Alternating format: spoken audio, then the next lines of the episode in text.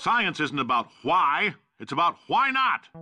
I denne ukas sending av Uillustrert vitenskap gir vi deg et lite kurs i å vinne diskusjoner, for vi skal nemlig snakke om argumentasjonsfeil. Vi snakker om ulike logiske feil man gjør når man argumenterer, og kommer med eksempler på hvordan det ikke skal gjøres.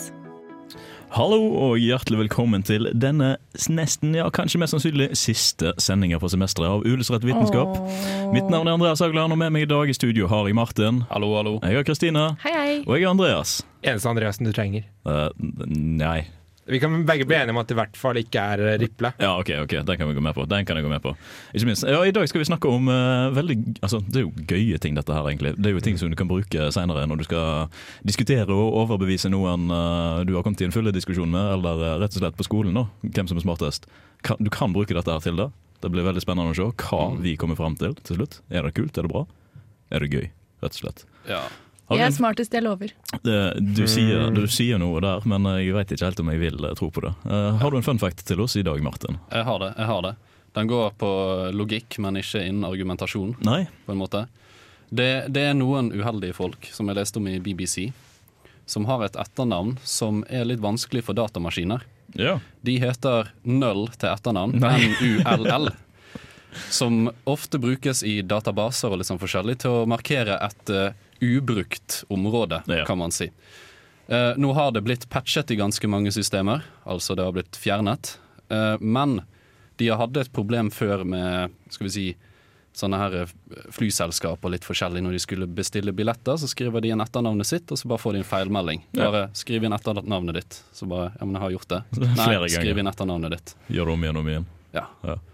Fordi den anså det så blankt Ja. punkt. Så det var, litt, det var litt interessant, synes jeg. Det er ganske flaut eh, for alle de som skriver nettsider og sånt, at de ikke tar hensyn til det, egentlig. Ja. Rett og slett dårlig koding. Det er jo litt dumt. Ja. Spesielt når det er en del i USA som heter det. Ja. Men vi skal høre litt om disse her fantastiske tingene som heter fallacies på engelsk, eller argumentasjonsfeil. Og hvordan, Feilslutninger. eventuelt det, feilslutninger òg. Og hvordan de eh, blir brukt i daglige situasjoner, og hvordan de ikke skal bli brukt. Men før vi kommer så langt til som det, så skal vi høre låten 151 av Pasha. Du hører på Radio Revolt, studentradioen i Trondheim. written by a nice reporter. Now the poor guy, you got to see this guy. Oh, I don't know what I said. I don't remember. He's going like, I don't remember. I, oh, maybe that's what I said. This is 14 years ago. He still, they didn't do a retraction. Argumentasjonsfeil og tankefeil er noe vi alle kjenner til, enten vi er klar over at det er et faktisk begrep for dette, eller om det er noe som eksisterer i livet ditt uten at du sjøl tar stilling til det. Studiet av argumentasjonsfeil har vært pågående helt siden Aristoteles' tid, om ikke tidligere, og har bare blitt utvidet etter hvert som det har dukket opp nye greiner innenfor filosofi, logikk og kommunikasjon, retorikk, psykologi og i nyere tid kunstig intelligens. Argumentasjonsfeil kan være så mangt og meget, og kan referere til enten feil ved argumentet i en sak, feil ved argumentasjon, eksempelvis gjennom argumenter, definisjoner eller forklaringer. Det kan være at en mener og står for noe som ikke stemmer, og til sist årsaken til alle de nevnte typene, som ofte har utgangspunktet i retoriske teknikker. Argumentasjonsfeil er noe som blir brukt i stedet for holdbar og forsvarlig argumentasjon, for å komme med et poeng, ofte meint for å overbevise noen om at du har rett. And these are the best and the finest. When Mexico sends its people, they're not sending their best. They're not sending you. They're sending people that have lots of problems. And they're bringing those problems with us. Vi skiller i hovedsak mellom uformell argumentasjonsfeil, som er feil både pga. deres oppbygning og innhold, og formell argumentasjonsfeil, som kun er feil pga. deres form, men ikke nødvendigvis pga. dens innhold. Det siste vil si at argumentene både kan og ikke kan være sanne, og et sant argument kan både være holdbart og ikke holdbart. Et eksempel på en uformell argumentasjonsfeil kan være Dersom Albert Einstein kommer med et vitenskapelig utsagn, så må det være sant.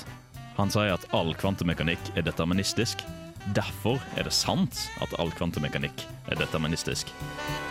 Eller rett og slett ønsketenking, der man tenker seg at argument A er sant for B, argument A er sant for C. Derfor må uten tvil argument A være sant for D og E og osv. også. En formell argumentasjonsfeil kan være dersom Bill Gates eier Fort Knox, så er han rik. Bill Gates er rik. Derfor eier Bill Gates Fort Knox.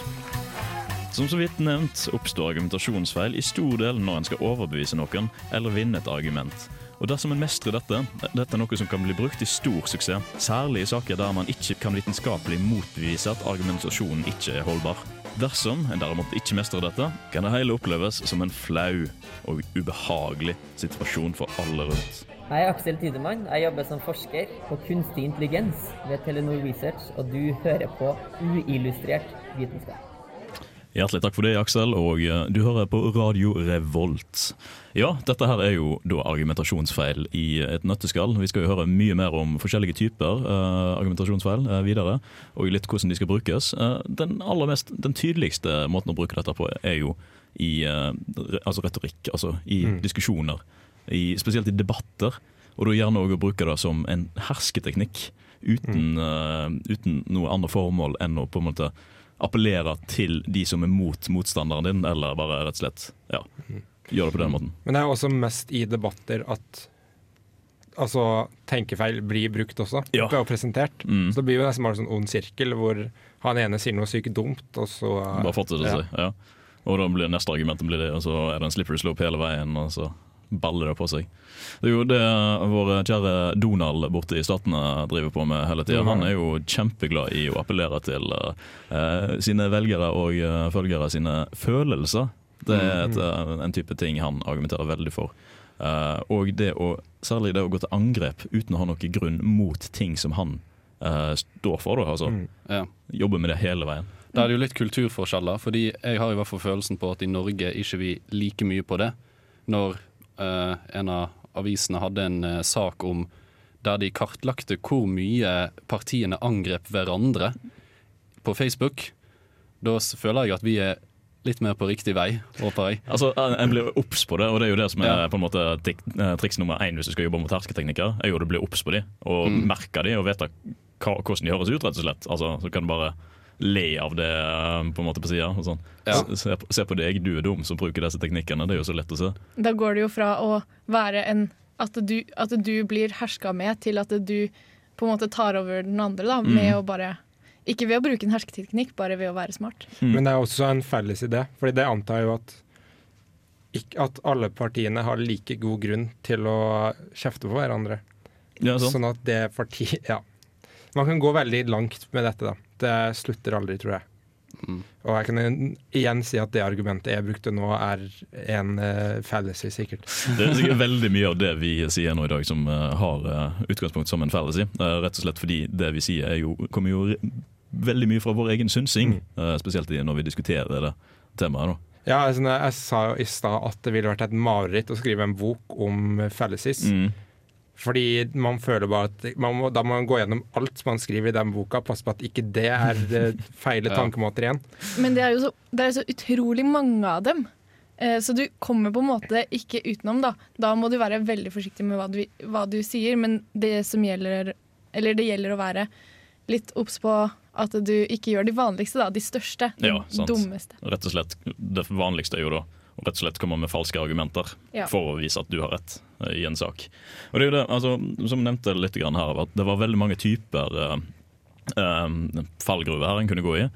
men ting som altså, det å bli sett på Eller det å være sulten eller bare være dum, og sånne ting som det er jo ikke noe som blir regna som en argumentasjonsfeil. Men derimot sånne ting som ønsketenking, f.eks., eller stereotypier og rasjonalisering av uh, argumenter og saker er noe som kan bli sett på som en uh, argumentasjonsfeil i uh, denne saken. her. Så litt forskjellig da, hvis du ser på det med selve studiet da, med argumentasjonsfeil, om hva som er hva, og hva som hører til, eller hva som kan klassifiseres som det. Det er veldig mye sånt. Vi skal høre litt om argument of from fallacy. om litt, og det er da, Martin, hva skal du si her? Jeg skal si hva som skjer når du bare eh, antar at motstanderen din tar feil på bakgrunn av at han bruker en såkalt logisk feil. Ja, ikke sant. Mm. Men før vi kommer så langt som det, så skal vi høre låten I Know av Sparks, Ivan Ave og Fie. Hello, I'm Lynn Rothschild from NASA Ames Research Center, and this is unillustrated science. Uh, OK. okay. Uh, vi um, Velkommen til kurs i debattetikette, og i den anledning så har jeg funnet fram noe fra arkivet. Den er fra 1998. Så hvis jeg bare trykker her, så Oi! Den begynner med en gang, den, ja. Grunnet begrensninger i vårt kjære morsmål må jeg motvillig bruke engelske uttrykk i min forklaring av uttrykk. Så, unge mann, jeg har tenkt å bli debattant. Meget bra, men vær varsom. La oss si at har nettopp kommet ut av deres lokale hatteforhandler og er på vei til deres lokale slakteri. På gaten møter dem på en gammel kjenning fra gymnaset. Plutselig utvikler et ellers hyggelig møte seg til en debatt i skala Brundtland-Willoch. Hvor var jeg så på vei med dette? Jo, når de så finner en logisk feil eller fellesi hos din motstander, så peker du den ut og sier at hele resonnementet og alt han sa er automatisk feil. De sier adjø og drar videre på deres vei, men pass opp, de har nå begått en stor feil selv. Bare fordi motstanderens argument bygger på en fellesi, betyr det ikke at han tar feil. De har nå gjort feilen argument from fallacy, også kjent som the fallacy fallacy. Et eksempel kan være at Roy Kenneth påstår en Volvo 240 er en bil, derfor må bilen til Bengt Ivar være en Volvo 240. Til dette svarer Kent Adrian. Du har nettopp uh, forma det konsekvent, derfor kan ikke bilen til Knut være en Volvo 240. Men Kent Adrian kan da umulig vite at Roy Kenneth tar feil. Man kan dermed konkludere med at livet som debattant er full av fallgruver. Bare fordi motstanderens deres argument har en logisk brist, så tar han eller hun ikke automatisk feil. De har dermed ikke vunnet diskusjonen, men hvis målet deres er å vinne en diskusjon, så burde de kanskje ta en gaffel og stikke den opp i Oi, hei, hei, ho. Uh, ja. Uh, skulle kanskje hørt gjennom den, men uh, uh.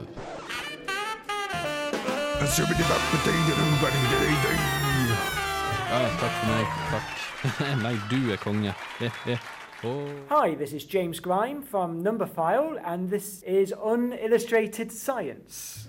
Hjertelig velkommen tilbake til oss her i studio. Mm -hmm. Ja, uh, Kan ikke du være foreleseren min for alltid, Martin? kanskje. Kanskje. kanskje. Det var ganske fint. Ja, jeg kan prøve. Du kan, kan prøve. Jeg kan ja. være det nå, i hvert fall. Du kan være det nå. Kan du ja. lære meg i de neste minuttene om uh, the fallacy fallacy? Det kan jeg. det kan jeg. Den eh, forklarte jo hva den gikk ut på, ja. så jeg kan jo forklare litt hva den brukes til. Fordi den er veldig populær blant debattanter i, når man prøver å når man ikke egentlig har noe motargument, så Nei. man prøver heller å få blikket vekk fra argumentet og på motstanderen. Fordi da kan du peke ut 'han sa en logisk feil', jeg vet egentlig ikke hvordan jeg skal svare på det. Akkurat det sier du ikke. Ja.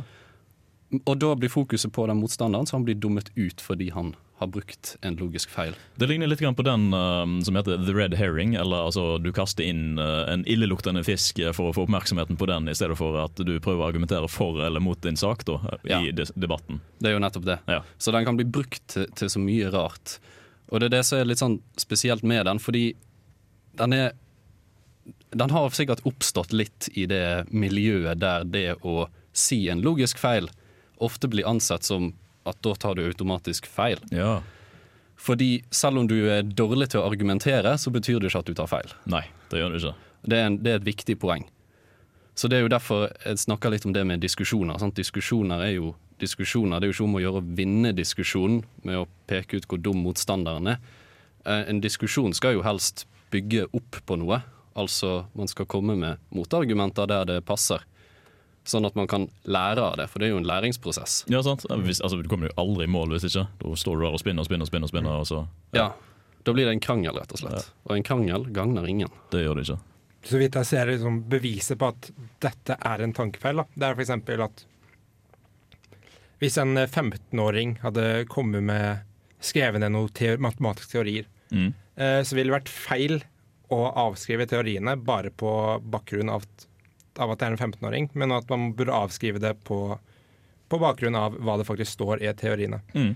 Men f.eks. en gang det har vært greit å avskrive det noen sier pga. hvem de er.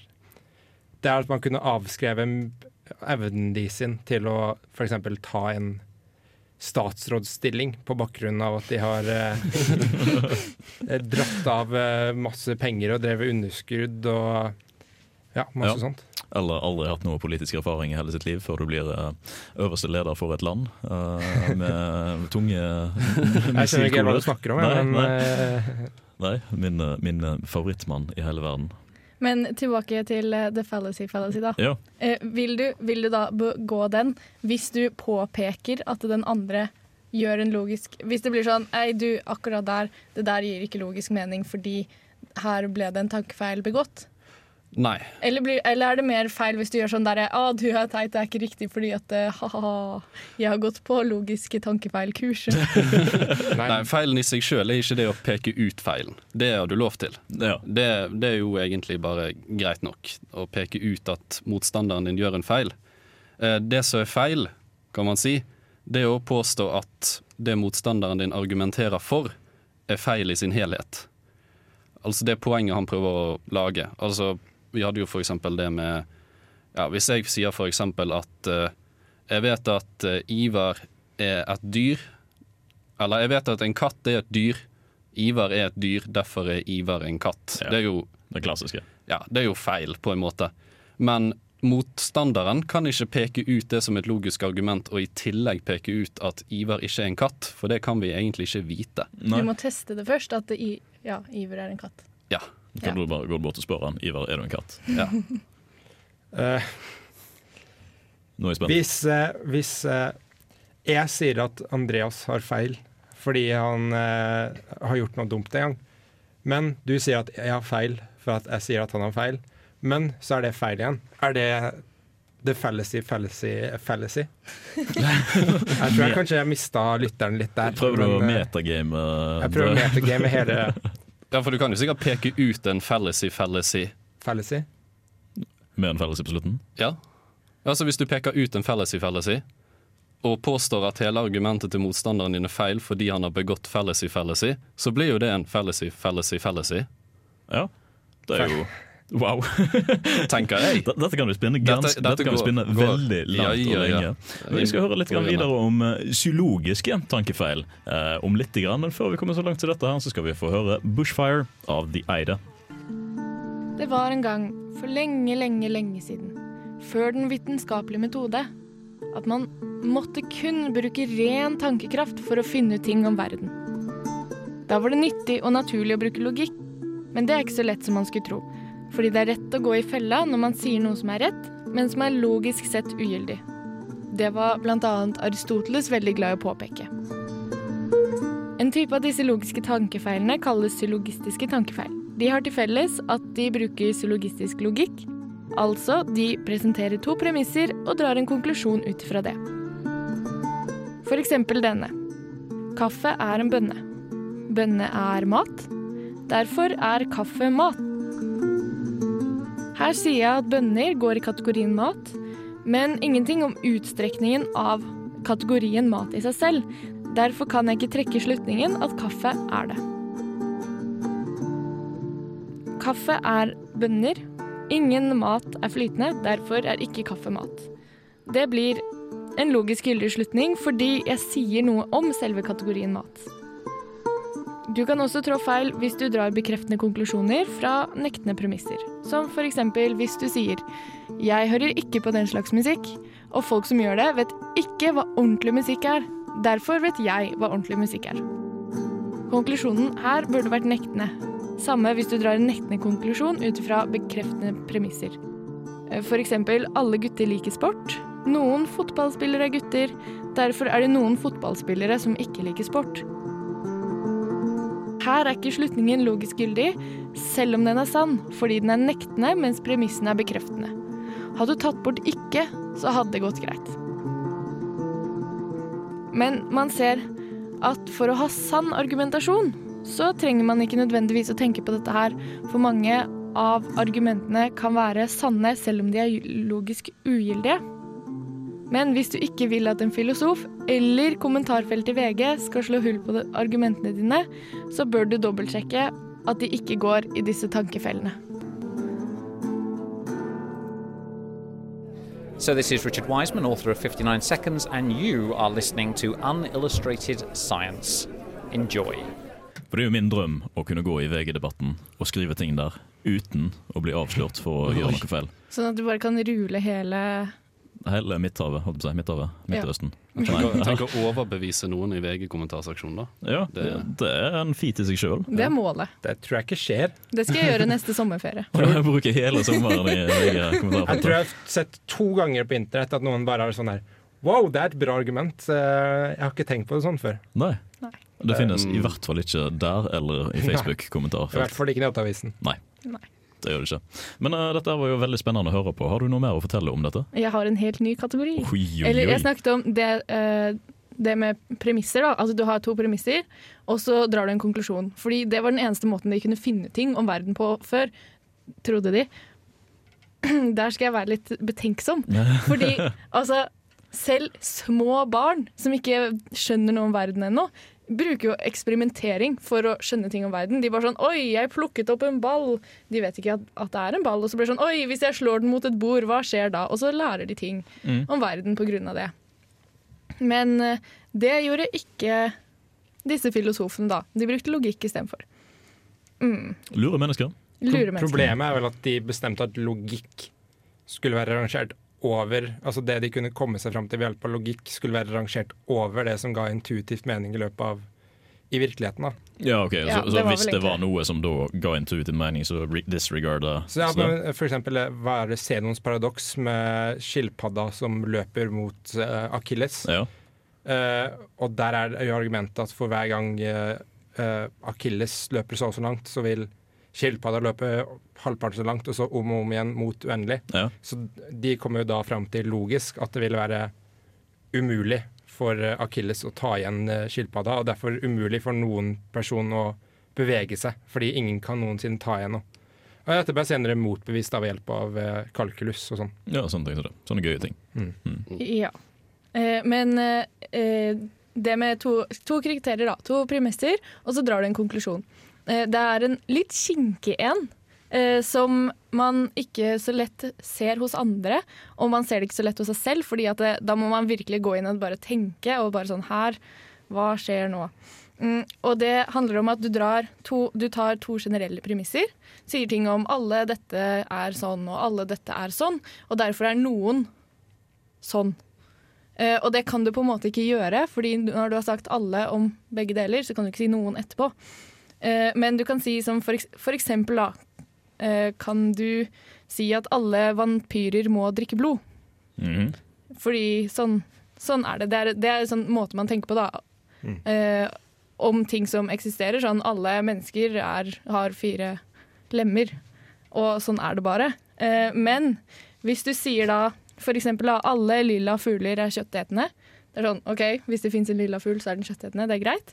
Eh, og alle lilla fugler bor i Brasil. Det er, også, det er sånne ting man kan tenke på uten at det finnes lilla fugler. Eh, fordi eh, det sier bare om hvis det fantes en lilla fugl, så ville den gjort det. Så ville det vært sånn.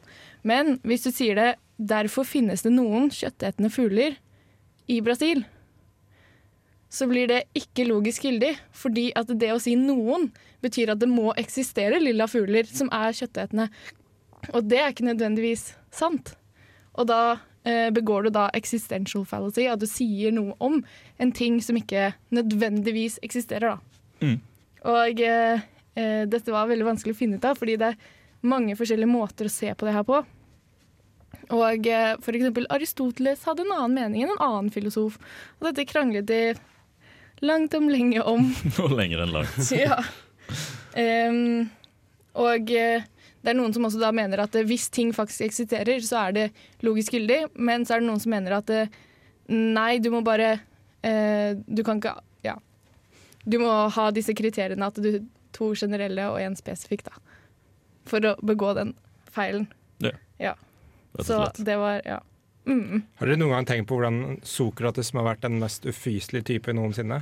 Altså Han bare gikk rundt på liksom i bysentrum og stilte folk spørsmål om eh, virkeligheten og filosofi. Tenk så irriterende det er når du sitter her og skal ha en uh, antikk is, uh, og så bare kommer den der skjeggete gamle alkoholikeren i byen og Nei, hvordan eksisterer Nei, du kan ikke si det fordi at uh, konklusjonen trenger at det som er omtalt, faktisk eksisterer. Ikke sant? Og så blir det sånn Ja, men jeg vet at uh, hunder eksisterer. Og så blir det sånn Ja, men gjør du egentlig det? Det er det mest irriterende spørsmålet som finnes. Og Du kommer med en påstand som du vet helt klart, og så bare Ja, men er det egentlig det? Hvor skal du ta det fra deretter? Det, det gjør du ikke. Nei, det gjør ikke. Du går din vei. Du, du, går av, du eh, tar livet av Du går av gårde, rett og slett. Mm. Det som generelt irriterer meg med de fleste sånn argumenter på sånn Hvordan kan vi vite at universet er ekte? Det kommer ikke noe sted, liksom. Det er ikke det, Du kan aldri bevise det. Nei. Men da gjør, du, da gjør du en tankefeil. Fordi, eh, da har, eh, fordi da legger du på en måte eh, Da må du bevise noe. Nei, da må du motbevise noe for å si at noe er ekte. Eller vent. Da, da, må du motbevise noe for å si at det ikke eksisterer. Det er sånn, Jeg kan fortelle deg at uh, i, rund, i banen rundt jorda så uh, er det en sokk, liksom.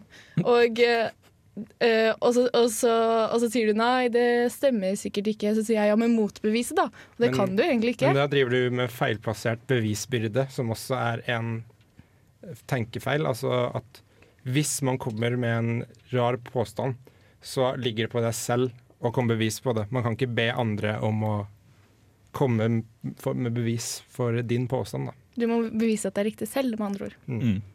Det er ikke, jeg kan ikke si sånn Ja, bevis at det ikke er sant, da. ikke sant? Bevis for meg at spøkelser ikke eksisterer. det var et sånn treåringargument, rett og slett. Ja, men treåringer jeg drar studiet mitt inn i alt jeg ja. gjør, fordi det er livet mitt. Men treåringer skjønner ikke den type logikk. Så de, kan, de gjør det eh, automatisk. Fordi at de har ikke den eh, kognitive enden til å skjønne eh, den type logikk, da. Det er, ganske, det, er, det er, fascinerende, det. Det er også hvorfor det er veldig gøy å høre på treåringer lyve. Liksom, de har ikke noen idé på liksom hva som er virkeligheten og hva som ikke er det, og hva som folk vil tro på. Så var det sånn ah, Nei, jeg, jeg, tok ikke den kjeksen en eh, drage spiste han. Og det er bare sånn Det er helt OK. Det er den beste løgnen de kommer på. Det er helt OK. Nei, men Vi skal høre litt om mer eh, antivitenskapelige eh, feilslutninger. Om vi skal. Eh, om litt, men før vi kommer så langt som det, så skal vi ta turen innom Jodski med låten 'Relevant'. I'm James Randi, and you're listening to Unillustrated Science. No fear of science. I believe that the more we study the science, the more the truths of faith will become apparent. I just would humbly ask.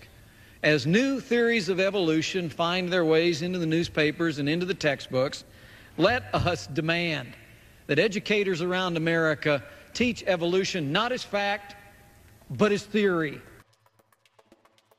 Jeg liker å anta at lytterne våre er smarte mennesker. At dere tror på menneskeskapte klimaendringer, evolusjon, Big Bang-teorien og at jorden er rund. Dessverre er ikke alle mennesker sånn som dere. Det finnes flere fullstendige tullinger der ute som driter rett i vitenskap og har sine egne svake teorier på hvordan verden fungerer. Disse teoriene er selvfølgelig fullspekka av logiske feilslutninger. I og med at man kan se tydelige trender i hvilken type argumentasjon disse personene bruker, kan dette kategoriseres under kjente feilslutningsbegreper. Jeg skal i dag snakke om de største og hyppigste av disse. Nå er jeg veldig spent, her, for det var jo veldig, det var en god del appellering til følelser hos eh, lytterne våre i, i den lille snutten her. Eller? Men det var ikke argumentasjon, det var bare for å prøve å få de på min side. Det var bare retorikk, da, med andre ord. Ja. Rett og slett. Litt, litt retorikk, ikke debatteknikk. Ja, er ikke retorikk debatteknikk? ja, men det er på en måte ikke, ikke Intensjonen var ikke, ikke Det var ikke argumentasjonsmetode, Nei. men det var retorikk. Det var uh, patos istedenfor uh, logos. Mm. Okay rett og slett. Ja. Name-dropping uh, big keywords. Uh. Men uh, hvis vi bare skal fortsette å name-droppe fancy keywords, ja. så kan vi peke ut at det vår gode venn Mike Pence holdt på med der, det var en Tilbake til USA? Ja, det, det ble mye USA i dag. Det heter så godt på engelsk 'refolding of consent. Og det er når du tilbakeholder viljen din til å akseptere at noe er sant. Og det er ofte manifestert i form av utsagnet ja, men det er jo bare en teori som brukes som evolusjon mm. og big bang og alt sånt. Og det de ikke skjønner, da, det er jo forskjellen i ordbruket av vitenskapelig teori i forhold til teori generelt. Ja, sant. Så når man sier vitenskapelig teori, så er det jo allerede på en måte bevist så langt som det går med vitenskapen. Det, sant, det har allerede passert aksiom og teorem og hele den mm. gjengen der. Så hvorfor det er teori? Det er fordi man aldri kan bevise noe helt. Men man kommer til et punkt hvor alle bare blir enige om at ja, det er jo Alt peker på dette. Denne teorien er egentlig en lov. Så det blir på en måte som å si at jeg kunne hatt en teori som sier at en uh, Tesla Roadster er raskere enn mennesker. Og så kunne du sagt at ja, men det er bare en teori. Mm. Man blir jo fort enig om at det blir en litt sånn tenkefeil å bare si det om ting. Men jeg tror egentlig bare det er en hersketeknikk vanligvis brukt av politikere som er for smarte til å ikke tro på evolusjon, men som bare velger å ikke gjøre det for å appellere til velgerbasen sin. Det er sånn for ikke miste velgerbasen sin. Det er jo veldig skummelt for noen som jobber med det. Mm. Å si noe som går imot plutselig den hyperreligiøse følgerbase. Mm. Uh, bare fordi du skal være ja, kontroversiell, rett og slett. Mm. En annen ting jeg syns oppstår når Mike Pence Hvis du for skulle putta Mike Pence i en debatt om klima med en klimaforsker, ja. så ville det vært en eh, Og gitt begge like mye tid og oppmerksomhet, så ville det vært noe som heter falsk ekvivalens. Og selvfølgelig i enhver debatt eller sak så skal alle sider få oppmerksomhet og tid. Men det blir falsk ekvivalens hvis man alltid antar at begge sider er like mye verdt. Og det er jo feil. Noen ganger så er bare bruker den ene sida fakta, og den andre bare spinner det sånn som de vil. Uh, og det er jo veldig problematisk. Og så er det flere andre ting, sånn som the naturalistic fallacy, som brukes mot vitenskapen. Mm. Og det er på en måte den troen om at det som er uh, naturlig, er, har noe en iboende godhet og riktighet i seg. Og at vi, når vi gjør vitenskapelig framgang og alt sånt, så leker vi med den ordenen som eksisterer i naturen. da. Men det blir jo feil, fordi det er jo ikke noe grunn til å separere mennesker fra resten av naturen. Vi eksisterer jo, Alt eksisterer i det samme universet med de samme reglene. Det sant. Så det at noe er naturlig, det er ikke noe grunn til å Altså, en form som jeg syns det manifiserer seg veldig, det er det når folk bare snakker om at Nei, dette kan du ikke gi til barnet ditt fordi det har kjemikalier i seg generelt. Ja, og hva har ikke kjemikalier i seg? ikke sant? Ja, Alt er jo faen meg som kjemikalier også. Ja. Altså, det er jo ikke noe ja, altså Barnet ditt har kjemikalier i seg. ja, så hvis du hadde sagt at det var kunstig framstilt organiske kjemikalier, så ville det i hvert fall gitt litt mer mening, men uh, ja, det blir bare veldig dumt sånn, da. Uh, og så har også The Naturalistic Fallacy gitt opphav til sosialdarwinisme, uh, som er på en måte tanken om at hvis noe skjer som en naturlig eh, prosess, så er det bra. Og derfor bør vi bare la fattige folk få bli fattige, og la de rike forbli bli riktig, eh, rikere. Fordi man oppfatter det som måte hvordan naturen har gjort det. da. Ja. Win more, uh, win more, holdt på å si. Mm. Og så nok en utvikling av dette, da, det er å si at man ikke skal leke Gud. Som av samme feilaktige grunner blir brukt som argument mot uh, stamcelleforsking, uh, genteknologi, alt sånt. Og det er ikke for å si at ikke genteknologi ikke kan ha noe galt i seg. Det er ikke noe bra at Monsanto lager genmodifiserte frø som bare kan vokse én gang, og sånn at bøndene må kjøpe nye frø hvert år. Ja, Men at det å si at vi ikke skal leke Gud, er ikke et gyldig argument Nei. å bruke mot det. Det finnes mange andre etiske fallgruver du heller kan gå gjennom da, eh, mm. fremfor det å si nei, du skal ikke leke Gud. Ja, det er jo ikke liksom at det, det, man sier er feil, men det er måten man sier det på mm. som er feil. Det er jo det jeg gjerne Fallacies går på, sånn rent debatteknikksmessig. Og så også en uh, ting som skjer veldig mye med vitenskap, det er såkalt God of the gaps. Og det er hvis at man har et hull i vitenskapen, så sier man at ja, men det er, det er, fordi Gud. At man putter Gud som en puslebrikke inn i alle hull man finner i vitenskapen. At vi har ikke noen forklaring på hvorfor Big Bang skjedde. Ja, det må være Gud. Vi har dette hullet i kvanteteori. Vi kan ikke forene eh, klassisk eh, Einsteins relativisme med kvantemekanikk. Mm. Det må være Gud. Og argumentet som på en måte i hovedsak kan bruke, brukes mot dette, da, det er at hver gang eh, man har putta Gud inn i sånn hull tidligere, så har det på en måte blitt motbevist. Altså, For lenge siden så ville han sagt at nei, før man visste om evolusjon, så sa man jo at ja, det er Gud, alt er skapt av Gud, som for 6000 år siden. Mens det hullet har jo blitt eh, fylt. Gradvis, sant? etter hvert som man finner nye oppdagelser og nye gjerne, lover og regler. Og ja, så det brukes mot det, at hver gang man har putta Gud eller noe sånt inni et sånt hull før, så har det blitt motvist etter hvert. Eh, og sånn sistnevnt felles i debattfeil eh, jeg vil ta, det er eh, altså observasjonsseleksjon. Altså at når du argumenterer for noe, f.eks. et vitenskapelig tema som det fins veldig mange Eller at det fins veldig mange som sier én ting om det, men at det fins noen papers som sier det motsatte. Dette driver f.eks. legemiddelindustrien litt å tukle med. Ja, jeg skulle at, akkurat til å si det. Det, er legemiddelindustrien i et nøtteskall. Så det, ja, så det, det er det at istedenfor å vise hele utvalget, så tar man ett, en mindretall av beviset som sier, eller av dataen som sier noe motsatt, og så bruker man det til å bety generelt noe, mm. som er feil. Det er feil. Og det gjør legemiddelindustrien. Det er veldig mye gøy vi kan uh, snakke om her. Jeg hører du har veldig mye å si om det. Uh, vi begynner å nærme oss slutten på denne ukes sending, og dermed slutten på vårt semester og vår sesong her i Illustrert vitenskap. Men før vi kommer så langt at vi tar et siste farvel for uh, i år, så skal du få lov å høre låten 'Evig aleine' av Hanne Kolstø. Du får denne her på Radio Revolt. Hey, this is Phil Plate from Bad Astronomy, and you are listening to Unillustrated Science on Radio Revolt. Because science is awesome. Det gjør du, og det var det vi hadde for i dag. Men frykt ei, hvis du har lyst til å høre mer av uillustrert vitenskap, som du gjerne ikke har hørt før, eller vil høre nye episoder på nytt igjen, så kan du finne oss på Radio Revolt sine nettsider, der du kan få høre podkast og streamende man, alt så mye du har lyst til. Hvis du tillegg du har lyst til å høre litt mer av oss uh, i Uillustrert, så kan du jo ta kikkturen innom uh, tirsdagsmorgener, uh, hvis du vil ha en liten revoltmorgen, ja. for å høre våre stemmer der også.